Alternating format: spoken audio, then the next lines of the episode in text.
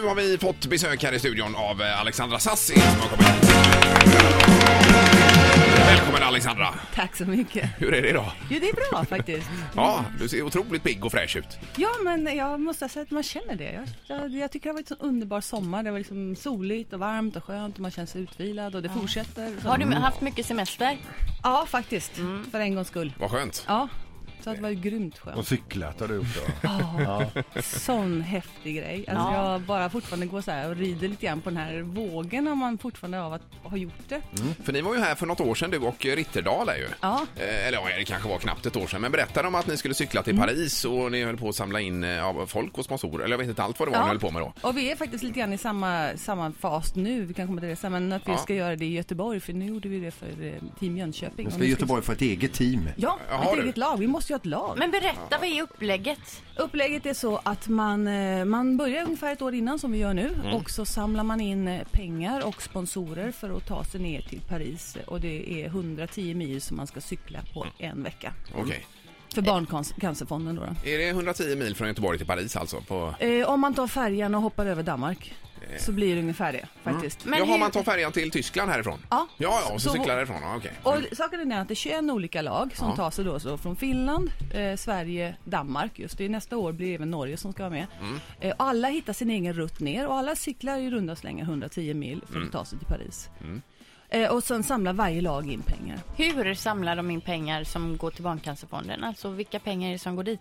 Dels så, alla pengar faktiskt. Dels så är det sponsorerna som man Mm. sätter sin eget, då, som po- sponsorerna sätter sina loggor på våra tröjor. Mm. Och dels så är det också, eh, vi går och skramlar bössor och säljer smycken under året som kommer. Mm. Och sen alla de som cyklar ner, de betalar sin egen resa. Så det är liksom inga pengar som samlas in för att vi ska cykla ner. Nej. Mm. Utan alla står liksom för sin egen semestertid och sina egna pengar och tar sig ner. Ja. Men alltså om man betalar sin, sin, eh, sin avgift så att säga, sen ingår ju allt mer eller mindre. Ja visst, alltså det är ju väldigt förmånligt. Så ungefär i år kostade det 17 500 och då fick man cykel, alla cykelkläder, resan ner, eh, hotellet ner och maten ner och så fick Mm. man ta sig upp själv. Man Ja, det får var en, resan och resan. Man fick ju trampa lite grann. Ja, ja, men det var ju det som var det häftiga. men cykeln är inte vilken cykel som helst, det är en Bianchi-cykel. Jag va? vet, och Peter är så sugen. Ja, jag har märkt det. Att, ja. du har varit på Peter också här, Ja, jag Alexandra, har lite pratat grann. länge Ja, med ja, Peter ja, om jag gjorde det. Ja, ja. detta och, och jag har fått ett Ja, men jag är jätteintresserad har jag fått. Jo men det har ju gått så långt så vi har ju jag har till och med pratat hemma om eh,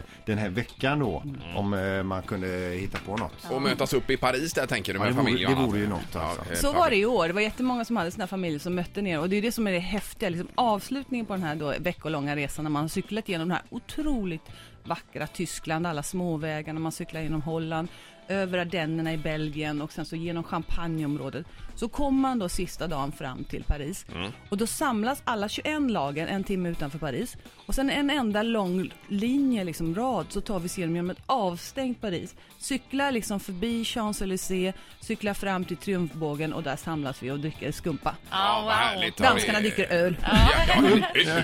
Men du alltså, det, när, när ni åker ner och ni har följe-MC, Ja men alltså det är ju verkligen, jag tror att det här är närmast man kan komma som amatör och känna sig som proffs. För vi, alltså, vi cyklar ju i klunga, i riktiga cyklar med riktiga kläder och allting sånt där. Bakom oss har vi en mekanikerbil. Så att får vi punka, då stannar vi inte ens till i klungan utan den som får punka stannar, mekanikerbilen byter. Sju sekunder var hans snabbaste byte på en punka. Okej. Byter bara hela hjulet och så går man vidare. Tjoff igen. Ja. Ja, och sen har vi två motorcyklar som tar hand om oss och, och skyddar oss då mot trafiken. Ja. Och sen har vi ett serviceteam, så var femte mil ungefär så stannar man till och så, så käkar man då, då mat eh, och, och dricker någonting och så sti- åker man vidare. Mm. Och vi hade det lite bra då, då så att jag tyckte mat är ju viktigt på en resa. Ni kan inte skicka mig utan god mat. Så att vi blev sponsrade av mat då, då från eh, Sjömagasinet Åh, herregud. Oj, oj, oj, oj. och Oj, oj, Pälsefisk oj. och Anell på kajen. Alltså vi hade det rätt bra. Ja, ja, ja. Så att man gick upp då i vikt på hela den här cykelresan. Nej det gjorde man faktiskt inte så det var rätt ramla bra. av cykeln. Ett poddtips från Podplay. I podden Något Kaiko garanterar östgötarna Brutti och jag, Davva, dig en stor dos skratt. Där följer jag pladask för köttätandet igen. Man är lite som en jävla vampyr. Man har fått lite blodsmak och då måste man ha mer. Udda spaningar, fängslande anekdoter och en och annan arg rant. Jag måste ha mitt kaffe på morgonen för annars är jag ingen trevlig människa. Då är du ingen trevlig människa, punkt. Något Kaiko, hör du på Podplay. Därför arkadeinerna.